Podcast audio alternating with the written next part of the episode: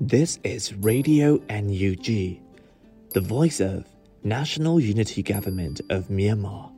broadcasting for Myanmar Spring Revolution. Radio NUG is transmitting from shortwave 16 meter 17.71 megahertz at 8 a.m. and 25 meter 11.965 MHz at 8 p.m. Myanmar Standard Time. မင်္ဂလာပါခင်ဗျာအမျိုးသားညီညွတ်ရေးအစိုးရရဲ့အတန်လွင့်ဌာန Radio NUG ကိုမနက်၈နာရီမှလိုင်းတို16မီတာ7.3 MHz ညပိုင်း၈နာရီမှလိုင်းတို25မီတာ17.665 MHz တို့မှာဓာတ်ရိုက်ဖမ်းယူနားဆင်နိုင်ပါပြီမင်္ဂလာအပေါင်းနဲ့ပြည့်စုံကြပါစေအခုချိန်ကစပြီး Radio NUG အစီအစဉ်တွေကိုဓာတ်ရိုက်အတန်လွှင့်ပေးနေပါပြီ။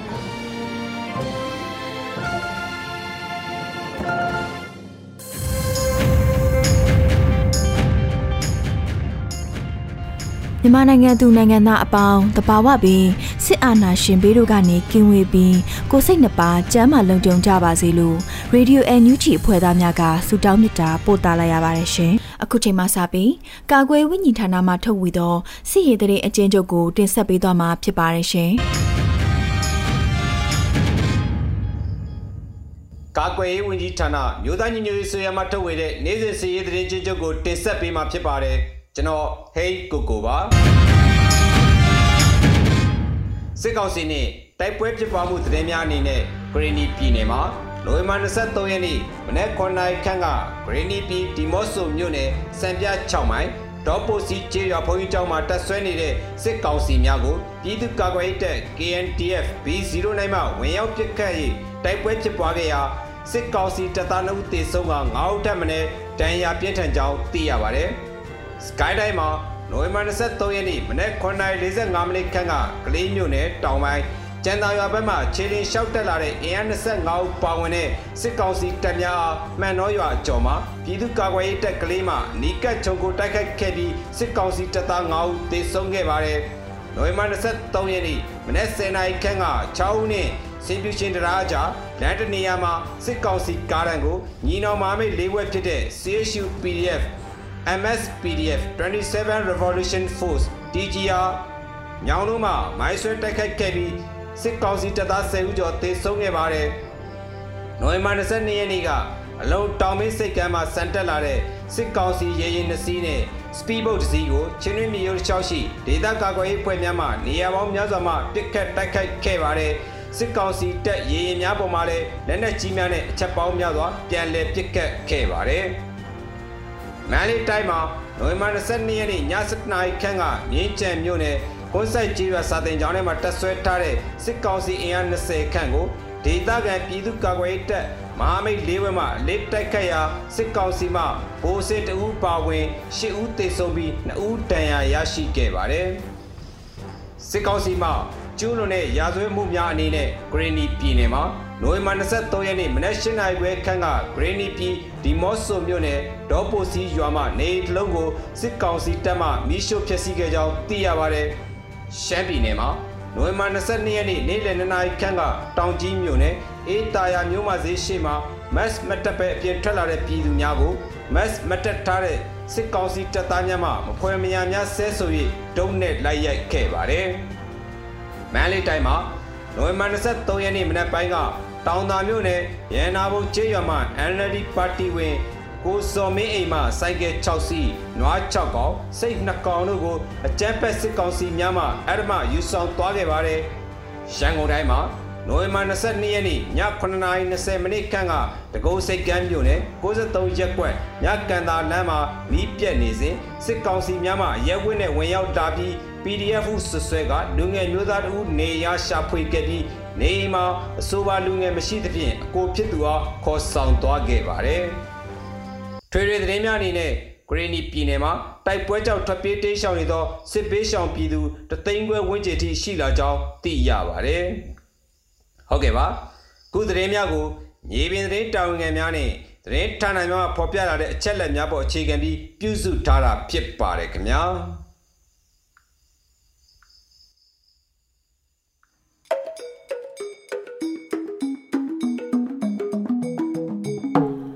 Radio NUG မှာဆက်လက်အတန်းလွှင့်နေပါတယ်။အခုဆက်လက်ပြီးပြည်တွင်းသတင်းများကိုຫນွေဦးမွန်မှတင်ဆက်ပေးမှာပဲဖြစ်ပါတယ်ရှင်။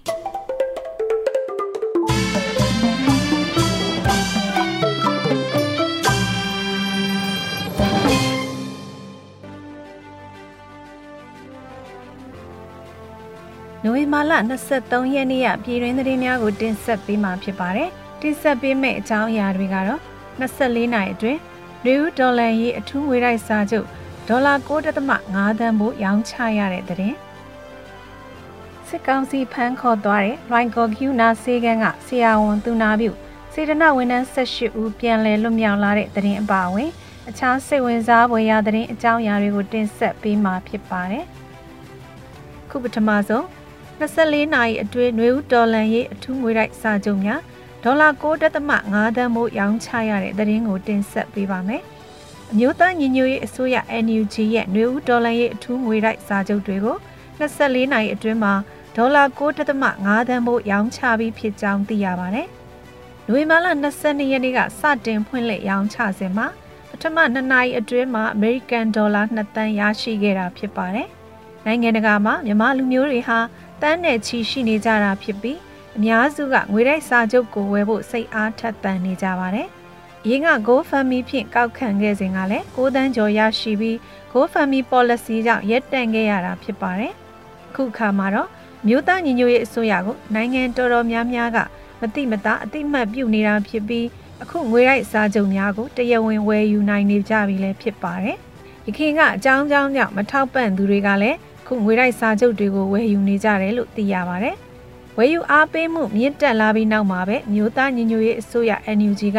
ငွေရိုက်စာချုပ်ဝယ်ယူမှုပုံစံကိုပုံမရှင်းလင်းလွယ်ကူသက်သာတဲ့ online ငွေပေးချေမှုပုံစံနဲ့ပြောင်းလဲကျင့်သုံးသွားမယ်လို့နိုဝင်ဘာလ23ရက်နေ့လယ်ပိုင်းမှာထုတ်ပြန်ခဲ့ပါတယ်။မြို့သားညီညွတ်ရေးအစိုးရကຫນွေဦးဒေါ်လာရင်အောင်မြင်ရန်ငွေရိုက်စာချုပ်တွေကိုဒေါ်လာ1ဘီလီယံဖို့ထုတ်ရောင်းရန်စီစဉ်ခဲ့တာဖြစ်ပြီးပထမအဆင့်အဖြစ်ငွေရိုက်စာချုပ်ဒေါ်လာတန်း200ဘူးကို နိုဝင်ဘာ22ရက်မှာစတင်ရောင်းချခဲ့ခြင်းဖြစ်ပါတယ်။ငွေတိုက်စာချုပ်တွေကိုဒေါ်လာ100 900 1000နဲ့9000နဲ့၄မျိုးခွဲခြားထားပြီးတက်တန်း2နှစ်နဲ့အတိုးမဲ့ငွေတိုက်စာချုပ်များဖြစ်ကြောင်းသိရပါတယ်ရှင်။ဆက်လက်ပြီးတင်ဆက်ပေးမယ့်သတင်းကတော့စစ်ကောင်စီဖမ်းခေါ်သွားတဲ့ရိုင်ကော်ဖြူနာစေကန်းကဆရာဝန်သူနာပြုစေရနာဝန်ထမ်း18ဦးပြန်လည်လွတ်မြောက်လာတဲ့ဆိုတဲ့သတင်းဖြစ်ပါတယ်။ကရင်ပြည်နယ်လိုင်းကော်မြို့နောင်ရရက်ကွက်ရှိ ခရစ်စတူးဘရင်ဖျားเจ้าဝင်းအတွင်းကဂယုနာစေကံမှာတာဝန်ထမ်းဆောင်နေတဲ့ဆရာဝန်သူနာပြုစေတနာဝန်ထမ်းစုစုပေါင်း18ဦးကိုအာနာသိစစ်ကောင်စီတပ်တွေကနိုဝင်ဘာလ22ရက်နေ့မှာဖမ်းဆီးခေါ်ဆောင်သွားခဲ့ကြပြီးနိုဝင်ဘာလ23ရက်နေ့ညနေ6နာရီမှာပြန်လည်လွတ်မြောက်လာကြောင်းသိရပါတယ်။ဖမ်းဆီးသွားသူဆရာဝန်၄ဦးနဲ့သူနာပြုဆရာမကြီးတွေကိုမိခင်နဲ့ကလေးဆောက်ရှောက်ရေးဌာနမှာ22နဲ့23ရက်2ရက်တာတနေ့ကုန်လုံး စစ်ဆေးမေးမြန်းမှုတွေပြုလုပ်ခဲ့တယ်လို့ဖမ်းဆီးခံရသူတွေကပြောပါတယ်။ဖမ်းဆီးခံရသူတွေနဲ့အတူခရီးယန်ဖုံတော်ကြီးတစ်ပါးနဲ့စစ်စတာနှစ်ပါးကတော့အဖော်အဖြစ်လိုက်သွားတယ်လို့သိရပါတယ်။အာနာသိန်းစစ်ကောင်စီတပ်အင်အား200ဝန်းကျင်ဟာမနေ့ကအဆိုပါဂီယူနာစေကန်းကိုရောက်လာခဲ့ပြီးဆရာဝန်၄ယောက်သူနာပြုစေတနာဝန်ထမ်းစုစုပေါင်း18ဦးကိုဖမ်းဆီးခေါ်ဆောင်သွားကြပြီးကျန်းမာရေးဝန်ထမ်းတွေဖမ်းဆီးခံရတာကြောင့်ဆေးကမ်းမှာရှိတဲ့အတွင်းလူနာတွေကို ပြည်သူဆေးရုံကြီးနဲ့စစ်ဆေးရုံကိုပို့ဆောင်ခဲ့ရပြီးဂိယုနာဆေးကမ်းကိုတော့ပိတ်သိမ်းခဲ့ရတာပဲဖြစ်ပါတယ်။လိုက်ကောကက်သလစ်သာသနာမှကြီးမှုဖွင့်လှစ်ထားတဲ့ဂိယုနာဆေးကမ်းဟာ23နှစ်တိုင်အောင်သက်တမ်းရှိခဲ့ပြီးယဟန်သီလရှင်တန်ဃာများအလွယ်တကူဆေးကုသမှုခံယူနိုင်ဖို့နဲ့ယနေ့ရဝေးလူနာတွေကိုလူမျိုးဘာသာမရွေးကျန်းမာရေးစောင့်ရှောက်မှုပေးနေတဲ့ဆေးကမ်းလည်းဖြစ်ပါတယ်။လက်ရှိမှာတော့စေကန်းကိုခိတ္တပိတ်ထားရကြောင်းသိရှိရပါတယ်ရှင်။ ဆက်လက်ပြီးနိုဝင်ဘာလအတွက်အောင်လဲလွင့်ချီနွေဦးဒီ commercial launch အယောင်ပိတ်ဖို့နှစ်ရက်သာကျန်တော့တဲ့အကြောင်းတင်ဆက်ပေးပါမယ်။နွေဦးဒီကိုနိုဝင်ဘာလ9ရက်နေ့ကစပြီးနေ့စဉ်မနက်10:00နာရီမှည10:00နာရီအထိနေ့စဉ်ရောင်းချပေးလျက်ရှိနေတာပဲဖြစ်ပါတယ်လစဉ်25ရက်နေ့မှလကုန်ရက်အထိရောင်းချခြင်းကိုခိတ္တရနာထားမှာဖြစ်ပြီးကန်ထူးရှင်များကိုလစဉ်လကုန်ရက်တွေရွေးချယ်ပေးသွားမှာပဲဖြစ်ပါတယ်။လွေမာလအတွက်ကန်ထူးရှင်ရွေးချယ်ခြင်းကိုတော့ ခုလ30ရက်မှာပြုလုပ်သွားမှာဖြစ်ကြောင်းသိရပါတယ်။ရွေဦးထီကိုအားပေးကြတဲ့မိဘပြည်သူတွေရဲ့လုံခြုံရေးကိုအထူးအလေးထားပြီးလုံခြုံရေးအဆင်ပြေစေနိုင်ရန်အတွက်ရေဦးထီမိသားစုမှစင်တစိုက်ဂျိုးပန်းဆောင်ရွက်ပေးလျက်ရှိနေပါတယ်။တော်လည်းရင်ထီဖြစ်တာကြောင့်အာနာရှင်ကိုစန့်ကျင်ရမှာဘယ်တော့မှသွေးအေးသွားမှာမဟုတ်ကြောင်းကိုအကြမ်းမဖက်ပြသနိုင်မဲ့လမ်းကြောင်းတရက်လဲဖြစ်တာကြောင့်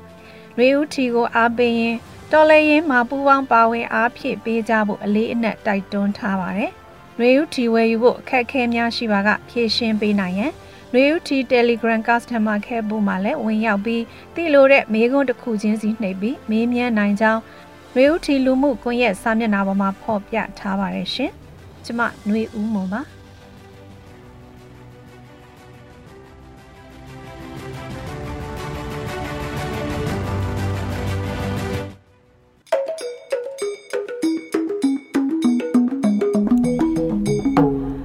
Radio NUG မှာဆက်လက်အသံလွှင့်နေပါတယ်။အခုဆက်လက်ပြီးပြည်သူတိုက်ပွဲသတင်းများကိုຫນွေဦးလိပ်ပြမှာတင်ဆက်ပေးမှာဖြစ်ပါတယ်ရှင်။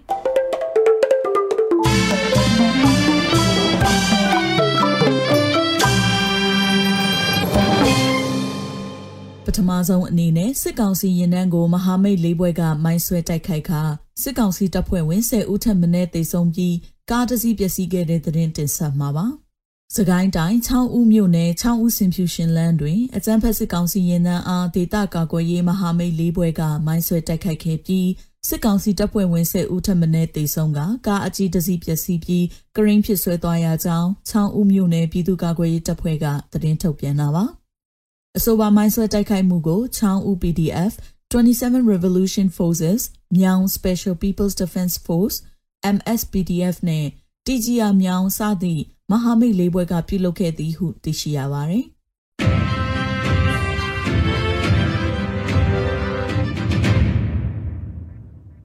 ဆက်လက်ပြီးစစ်ကောင်စီတပ်ဖွဲ့ကို PDF ကလေးကခြုံကိုတိုက်ခိုက်မှုစစ်သား9ဦးသေဆုံးခဲ့တဲ့တဲ့ရင်တင်ဆက်မှာပါ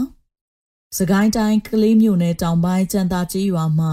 ခြေလျင်ထွက်ခွာလာသောစစ်ကောင်စီတပ်ဖွဲ့ဝင်အင်အား25ယောက်ခန့်ပါစစ်ကြောင်းကိုမှန်တော်ရွာအလွန်တွင်ကလေးမြို့နယ်ပြည်သူ့ကာကွယ်ရေးတပ်ဖွဲ့ကယနေ့နနက်9:45မိနစ်တွင်ခြုံကိုပစ်ခတ်တိုက်ခိုက်ခဲ့ရာစစ်သား9ဦးသေဆုံးကြောင်း PDF ကလေးကသတင်းထုတ်ပြန်ပါတယ်။အပြန်အလှန်နှစ်ဖက်ပစ်ခတ်တိုက်ခိုက်ခြင်းမိနစ်20ခန့်ကြာပြီးကလေးကာကွယ်ရေးတပ်ဖွဲ့ကအထီးကိုင်မရှိဘဲအောင်မြင်စွာဆုတ်ခွာနိုင်ခဲ့ကြောင်းနဲ့ ဟန်တာဝရီကျေးရွာတွင်တပ်ဆွဲထားသောစစ်ကောင်စီတပ်ကလက်နက်ကြီးများဖြင့်အနီးဝန်းကျင်သို့ပစ်ခတ်ခဲ့ကြောင်း PDF ကလေးထုတ်ပြန်ချက်အရသိရှိရပါသည်။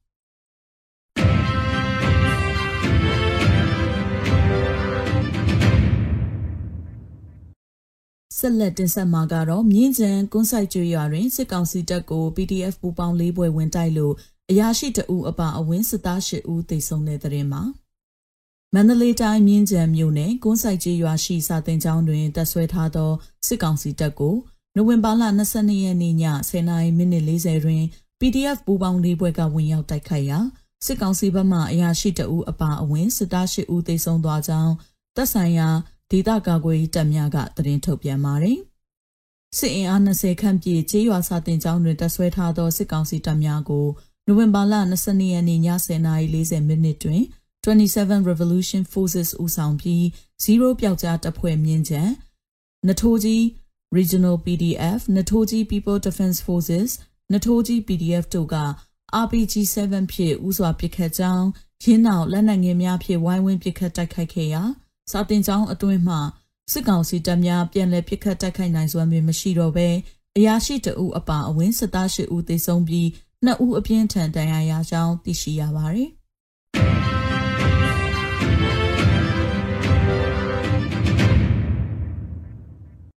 ဆက်လက်ပြီးဒီမော့ဆိုရင်တန်ဆွတ်ထားသောစစ်ကောင်စီတပ်ကို KNDF ဝင်တိုက်၍စစ်သား2ဦးသေဆုံးတဲ့တဲ့တင်တင်ဆက်မှာပါ။နိုဝင်ဘာလ23ရက်နေ့နနက်6:50မိနစ်ဝန်းကျင်ကကရားပြည်နယ်ဒီမော့ဆိုမြို့နယ်ဒေါ်ပိုးစီဖုန်ကြီးကျောင်းတွင်တပ်ဆွဲထားသောစစ်ကောင်စီနှင့် KNDF B09 တို့အပြန်အလှန်ပစ်ခတ်မှုဖြစ်ပွားကြောင်းစစ်ကောင်စီတပ်ဖက်မှလက်နက်ကြီးပါပစ်ခတ်နေပြီးစစ်ကောင်စီတပ်ဖွဲ့ဝင်2ဦးကြာဆုံးကြောင်း KNDF ကတရားဝင်သတင်းထုတ်ပြန်ထားပါတယ်။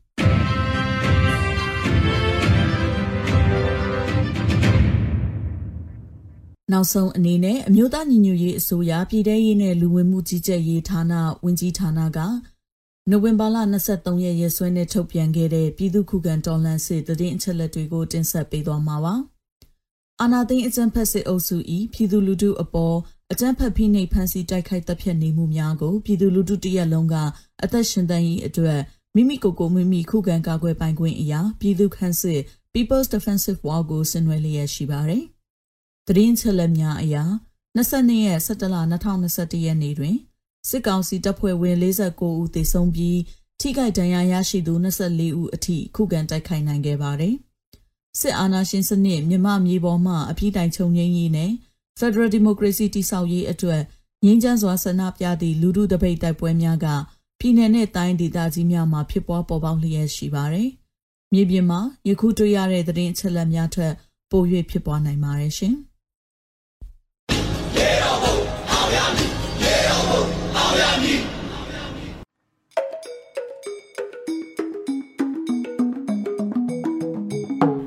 Radio NUG မှာဆက်လက်အသံလွှင့်နေပါတယ်။အခုဆက်လက်ပြီးနေ့စဉ်သတင်းတင်ဆက်မှုကိုမတ်ထထအိန္ဒြအောင်မှတင်ဆက်ပေးမှာဖြစ်ပါတယ်ရှင်။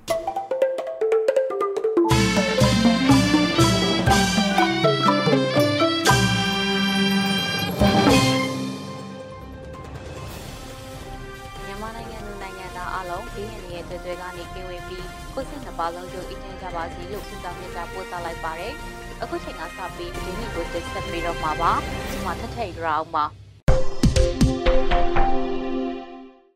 အခုပထမအဆုံးအနေနဲ့အမျိုးသားညီညွတ်ရေးအစိုးရအဖွဲ့အစည်းအဝေး33မြင်းဆောင်2021ကိုကျင်းပပြုလုပ်ခဲ့တဲ့သတင်းကိုတင်ဆက်ပေးပါမယ်။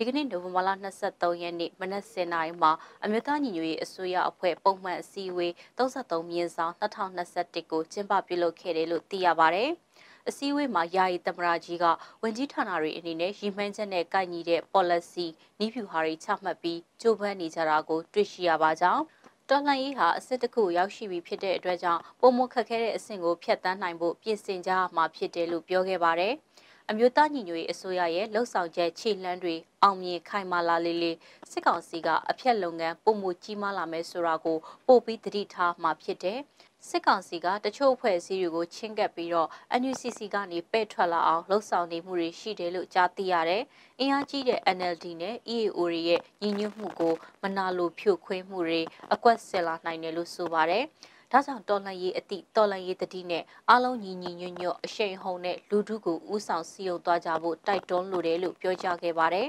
။ပြည်တော်စုဝင်ကြီးချုပ်ကတော်လှန်ရေးအတွက်အလွန်ဂုဏ်ယူစရာကောင်းတဲ့ကိစ္စတစ်ခုကတော့မနေ့ကပဲစတင်ရောက်ချတဲ့ NUG ရဲ့ငွေတိုက်စာချုပ်ကိစ္စဖြစ်ပါကြောင်းနှစ်နာရီအတွင်းမှာပဲ American Dollar 2 million ထိရောင်းရတယ်လို့သိရတာမို့ပြည်သူတွေရဲ့တော်လှန်ရေးပေါ်စိတ်အားထက်သန်မှုတွေကိုအထူးကျေးဇူးတင်ရကြောင်း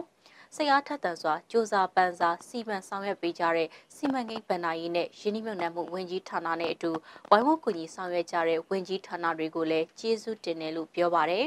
။ပြည်ရင်းပြည်ပကပြည်သူတွေဟာအောင်းနိုင်လို့စိတ်ပြင်းပြနေကြတာမို့လူအင်အားငွေအင်အားစိတ်ဓာတ်အင်အားတွေအပြည့်နဲ့ကဏ္ဍဆောင်ကပတ်မိုးထောက်ပံ့နေကြတာမို့အစိုးရအနေနဲ့တော်လှန်ရေးအတွက်ပုံမိုတာဝန်ကြီးလာပါတယ်။ ဒါကြောင့်အလုပ်တွေထိထိရောက်ပုံမလှုပ်ဆောင်နိုင်ဖို့အစိုးရအဖွဲ့တာဝန်ရှိသူတွေအားလုံးပဲနှစ်ဆကြိုးပမ်းဆောင်ရွက်သွားကြဖို့တိုက်တွန်းလို့ကြောင်းတော်လိုင်းရေးကာလက6လကျော်လာတဲ့အခါပြည်သူတွေလည်းအတော်ပင်ပန်းပြီးတော့ဒုက္ခရောက်နေကြပြီဖြစ်တာမို့အစိုးရအဖွဲ့အနေနဲ့လှုပ်ဆောင်ချက်တိုင်းဟာအကြမ်းဖက်စစ်ကောင်စီကိုထိုးနှက်နိုင်စေမဲ့ကဏ္ဍတွေကိုအထူးအယုံဆိုင်ရမှာဖြစ်ပါတယ်။ တော်လိုင်းရေးအတွက်နိုင်ငံရေးဆိုင်ရာမဟာဗျူဟာကောင်းကောင်းချမှတ်ပြီးတော့စီမံဆောင်ရွက်ဖို့ကအင်မတန်အရေးကြီးနေပြီဖြစ်ပြီးတော့အဲ့ဒီနိုင်ငံရေးဆိုင်ရာမဟာဗျူဟာကိုအထောက်အပံ့ပြုနိုင်ဖို့ကာကွယ်ရေးဆိုင်ရာမဟာဗျူဟာနဲ့စီးပွားရေးကဏ္ဍဆိုင်ရာမဟာဗျူဟာကလည်းအရေးကြီးကြောင်း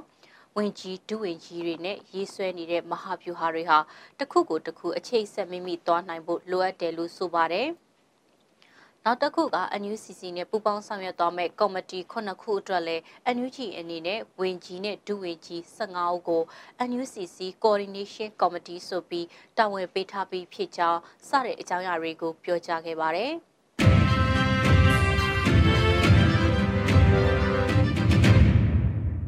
ဆက်လက်ပြီးအမျိုးသားညီညွတ်ရေးအစိုးရရဲ့ຫນွေဥတော်လှန်ရေးအထူးငွေတိုက်စာချုပ်ဒေါ်လာ6.3တန်ကိုရောင်းချထားပြီးဖြစ်တဲ့သတင်းကိုတင်ဆက်ပေးပါမယ်။ နိုဝင်ဘာလ22ရက်နေ့ညနေ2နာရီအချိန်မှာစတင်ရောင်းချခဲ့တဲ့အမျိုးသားညီညွတ်ရေးအစိုးရရဲ့ຫນွေဥတော်လှန်ရေးအထူးငွေတိုက်စာချုပ်ဟာစတင်ရောင်းချချိန်2နာရီအတွင်းအမေရိကန်ဒေါ်လာ2တန်ဖိုးရောင်းချနိုင်ခဲ့ပြီးည7နာရီအချိန်မှာတော့ဒေါ်လာ6.3တန်ဖိုးရောင်းချထားပြီးဖြစ်တယ်လို့သိရပါဗျ။ စစင်ကာပူမှာအမျိုးသားညီညွတ်ရေးအစိုးရ NUG ရဲ့ငွေတိုက်စာချုပ်တွေကိုဝယ်ယူမှုအလွန်များပြားတာကြောင့်စင်ကာပူအခြေစိုက် POSB နဲ့ DBS ဘဏ်တွေရဲ့ online banking service တွေဝင်မရတဲ့အထိဖြစ်သွားတယ်လို့လည်းသိရပါဗျ။ ဒီကိစ္စနဲ့ပတ်သက်ပြီးတော့စင်ကာပူ DBS ဘဏ်ကအွန်လိုင်းဘဏ်လုပ်ငန်းဝန်ဆောင်မှုတွေကိုဝင်ရောက်တဲ့အခါအဆက်မပြတ်နှိကွေမှုရင်ဆိုင်နေရပြီးတော့ဒါကိုဖြည့်ရှင်းဖို့လက်တလောလှုပ်ဆောင်နေကြောင်းအဆက်မပြေမှုအတွက်တောင်းပန်ပါကြောင်းတရားဝင်သတင်းထုတ်ပြန်ထားတာကိုတွေ့ရပါတယ်။ ငွေတိုက်စာချုပ်တွေဟာတန်ဖိုးအပြင်အမြင့်ဆုံးဒေါ်လာ9000ကစတင်ပြီးဒေါ်လာ1000ဒေါ်လာ900ဒေါ်လာ100စသဖြင့်၄မျိုးရှိတာဖြစ်ပြီးတော့တဦးချင်းဝယ်ယူနိုင်တယ်လို့အများစုဖွဲ့ဝယ်ယူနိုင်အောင်လဲစီမံပေးထားတာဖြစ်ပါတယ်ဝယ်ယူသည်ရဲ့ကိုရေးချက်လက်တွေကိုအထူးလုံခြုံတဲ့ဤပညာနဲ့အာမခံချက်ပေးထားတာကြောင့်ရုံရုံကြည်ကြည်ပူပေါင်းဆောင်ရွက်ကြဖို့ NUG ကတိုက်တွန်းထားတာကိုတွေ့ရပါတယ်။ တက်တန်းနှစ်နှစ်ကြာမှပြန်လည်ထုတ်ယူနိုင်မှာဖြစ်ပြီးတော့အတူပေးနိုင်ခြင်းမရှိတဲ့ NUG ဘွန်တွေကိုအလူရဲ့ဝယ်ယူနေကြတာနဲ့ပတ်သက်ပြီး NUG ရဲ့ပြည်တော်စုဝင်ကြီးတဦးဖြစ်တဲ့ဒေါက်တာဝင်းမြတ်အေးကခိုင်မာသောပြတ်သားသောရဲဝံ့သောယုံကြည်သောပြင်းပြသောဆန္ဒများကိုထင်ရှားစွာမြင်ရတယ်။ရက်ဆက်ရုံမှမှုများအဆုံးသတ်စေရမယ်။ကြည်သူအားအလကားမဖြစ်စေရလို့လူမှုကွန်ရက်စာမျက်နှာမှာရေးသားထားတာကိုတွေ့ရပါတယ်။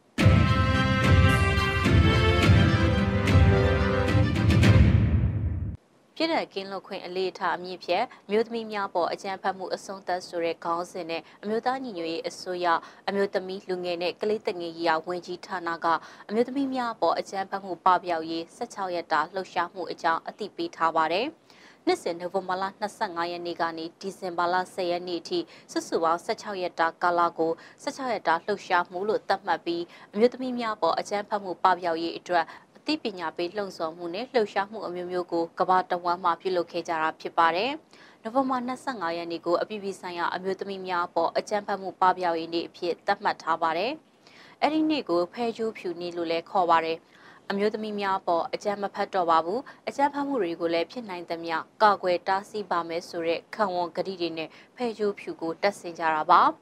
Dominican Republic ရဲ့သမ္မတဖြစ်တဲ့ Rafael Trujillo ဟာ သူ့ကိုဆန့်ကျင်တဲ့မီရာဘယ်ညီမတွေကို1960ခုနှစ်နိုဝင်ဘာလ25ရက်မှာလှုပ်ချက်တပ်ဖြတ်ခဲ့ပါတယ်။အဲ့ဒီညီမတွေတပ်ဖြတ်ခံရတဲ့ရက်ကိုယူပြီး1990ခုနှစ်မှာကျင်းပတဲ့ကမ္ဘာကုလသမဂ္ဂရဲ့54ကြိမ်မြောက်အထွေထွေညီလာခံဆုံးဖြတ်ချက်အရနိုဝင်ဘာလ25ရက်နေ့ကိုအမျိုးသမီးတွေအပေါ်အကြမ်းဖက်မှုပပျောက်ရေးနေ့အဖြစ်သတ်မှတ်ခဲ့ကြတယ်လို့ဆိုပါတယ်။ ဒါအပြင်ကမ္ဘာတဝန်းမှာလူအခွင့်အရေးအတွက်လှုပ်ရှားတိုက်ပွဲဝင်နေကြတဲ့အမျိုးသမီးတွေအမျိုးသမီးအခွင့်အရေးနဲ့ဂျန်ဒါတန်းတူညီမျှရေးအတွက်တက်ကြွလှုပ်ရှားနေကြတဲ့လူပုဂ္ဂိုလ်တွေဟာသူတို့ရဲ့လူအခွင့်အရေးလှုပ်ရှားမှုတွေကြောင့်ပြစ်မှတ်ထားအကြမ်းဖက်ခံနေရပါတယ်။ဒီလိုအမျိုးသမီးလူခွင့်ရေးလှုပ်ရှားသူတွေနဲ့သူတို့ရဲ့အလုပ်တွေကိုဂုဏ်ပြုတဲ့အနေနဲ့နိုဝင်ဘာ29ရက်နေ့ကိုလည်းအပြည်ပြည်ဆိုင်ရာအမျိုးသမီးလူအခွင့်ရေးကာကွယ်စောင့်ရှောက်သူများနေ့အဖြစ်2006ခုနှစ်ကစတင်ကျင်းပခဲ့တယ်လို့ဆိုပါတယ်။ မွန်ထရီမြို့ကအမျိုးသမီးအခွင့်အရေးအတွက်တိုက်ပွဲဝင်ခဲ့တဲ့အင်ဂျင်နီယာကျောင်းသူ14ဦးတပ်ဖြတ်ခံရတဲ့ဒီဇင်ဘာ6ရက်နေ့ကိုလည်းအမျိုးသမီးများပေါ်အကြမ်းဖက်မှုကိုအရေးယူဆောင်ရွက်တဲ့နေ့အဖြစ်1992ခုနှစ်ကစပြီးတော့သတ်မှတ်ခဲ့ပါတယ်။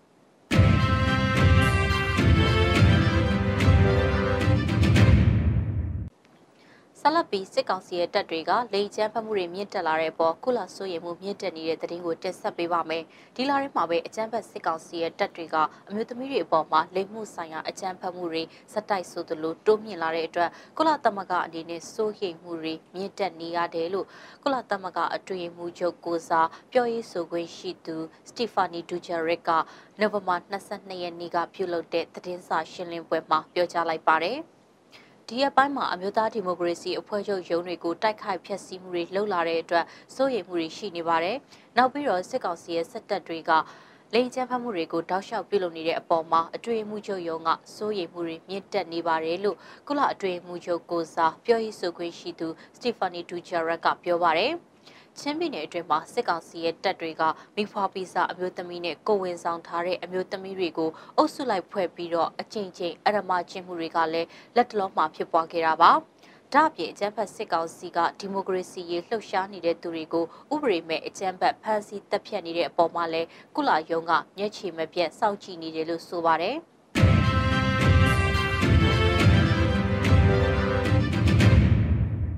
လလာမယ့်နှစ်ဇန်နဝါရီလအတွင်းကျင်းပမယ်အိန္ဒိယနိုင်ငံရဲ့ Republic Day တက်ရောက်ဖို့အကြမ်းဖက်စစ်ကောင်ဆောင်ကိုဖိတ်ကြားထားတဲ့ဆိုတဲ့ရေးသားမှုတွေကိုအိန္ဒိယနိုင်ငံသားရေးဝန်ကြီးဌာနကညှင်းဆိုလိုက်တဲ့သတင်းကိုဆက်လက်တင်ဆက်ပေးပါမယ်။လာမယ့်ဇန်နဝါရီလအတွင်းကျင်းပမယ့်အိန္ဒိယနိုင်ငံရဲ့ Republic Day ကိုတက်ရောက်ဖို့ဖိတ်ကြားမဲ့နိုင်ငံကောင်းဆောင်ဧည့်သည်စရင်မှတ်ဆချက်တီထွက်နေတာဟာမမှန်ကန်တဲ့အကြောင်းအိန္ဒိယနိုင်ငံသားရေးဝန်ကြီးဌာနရဲ့ပြောရေးဆိုခွင့်ရှိသူကပြောလိုက်ပါတယ်။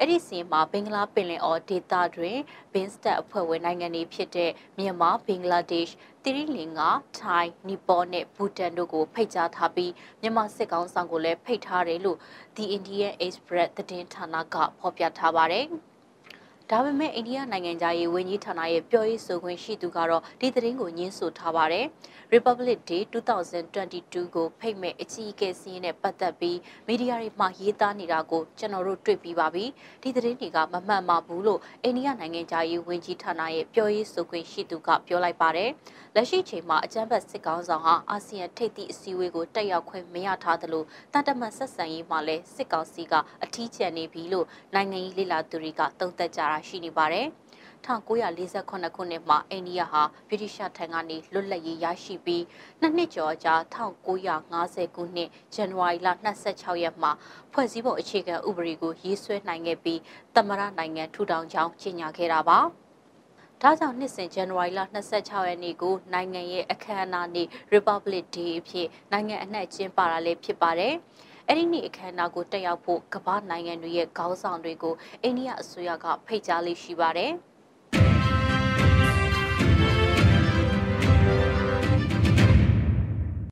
အခုနောက်ဆုံးအနေနဲ့မြန်မာနိုင်ငံတဝန်ကလူမျိုးပေါင်းစုံဘာသာပေါင်းစုံပါဝင်တဲ့ဆရာနာရှင်အမြင့်ပြည့်ချီမုံရီလူထုဆန္ဒပြပွဲသတင်းတွေကိုစူးစီးတင်ဆက်ပေးမှာဖြစ်ပါတယ်။စကိုင်းတိုင်းရွှေဘုံမြို့နယ်ကြီးရွာတရွာကတော်လန့်ပြည်သူတွေဟာ Federal Democracy ရရှိရေးဆရာနာရှင်အမြင့်ပြည့်ချီမုံရီချစ်တဲ့ဆန္ဒပြခဲ့ပါတယ်။ စကိုင်းတိုင်းရင်းမာပင်အရှိချမ်းနဲ့စာလင်ကြီးမြောက်ချမ်းရွာပေါင်းစုံတပိတ်စစ်ကြောင်းကတော်လှန်ပြည်သူတွေဟာစစ်ကြုံမခံဘူးညင်းဆန်အမျိုးသားနဲ့ဒိဋ္ဌံဆိုတဲ့ခေါင်းစည်းစာတမ်းကိုက်ဆောင်ပြီးတော့အာနာရှင်စန့်ကျင်တော်လှန်ရေးဆန္ဒပြခဲ့ပါတယ်။ စကိုင်းတိုင်းကလေးမျိုးကတော်လှန်ပြည်သူတွေဟာဆီယနာရှင်ကိုစန့်ကျင်တဲ့ရပ်ပေါင်း289ရက်မြောက်နေ့အဖြစ်နိုဝင်ဘာလ22ရက်နေ့ကကြောက်ပြုတ်ရွာတိုက်ပွဲမှာကြာဆုံးသွားခဲ့တဲ့ PDF ကလေးတပ်ဖွဲ့ဝင်ကိုမင်းစောအောင်နဲ့ကိုစောနိုင်ထေတို့ကိုဝမ်းနေချင်းအထိမ်းမှတ်နေနဲ့လွမ်းသူပန်းခွေချပြီးအလေးပြုခဲ့ပါတယ်။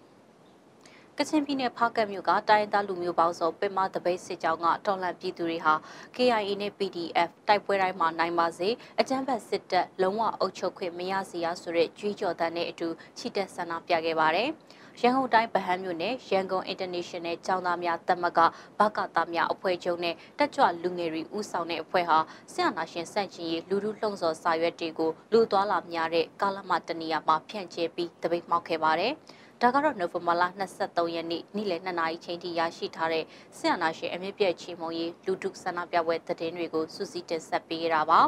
ဆန္ဒပြပွဲသတင်းတွေကိုတော့ခေတ်သစ်သတင်းဌာန Facebook စာမျက်နှာကနေတဆင့်ကိုကဖော်ပြပေးကြတာဖြစ်ပါတယ်ကျေးဇူးတင်ပါတယ်ရှင်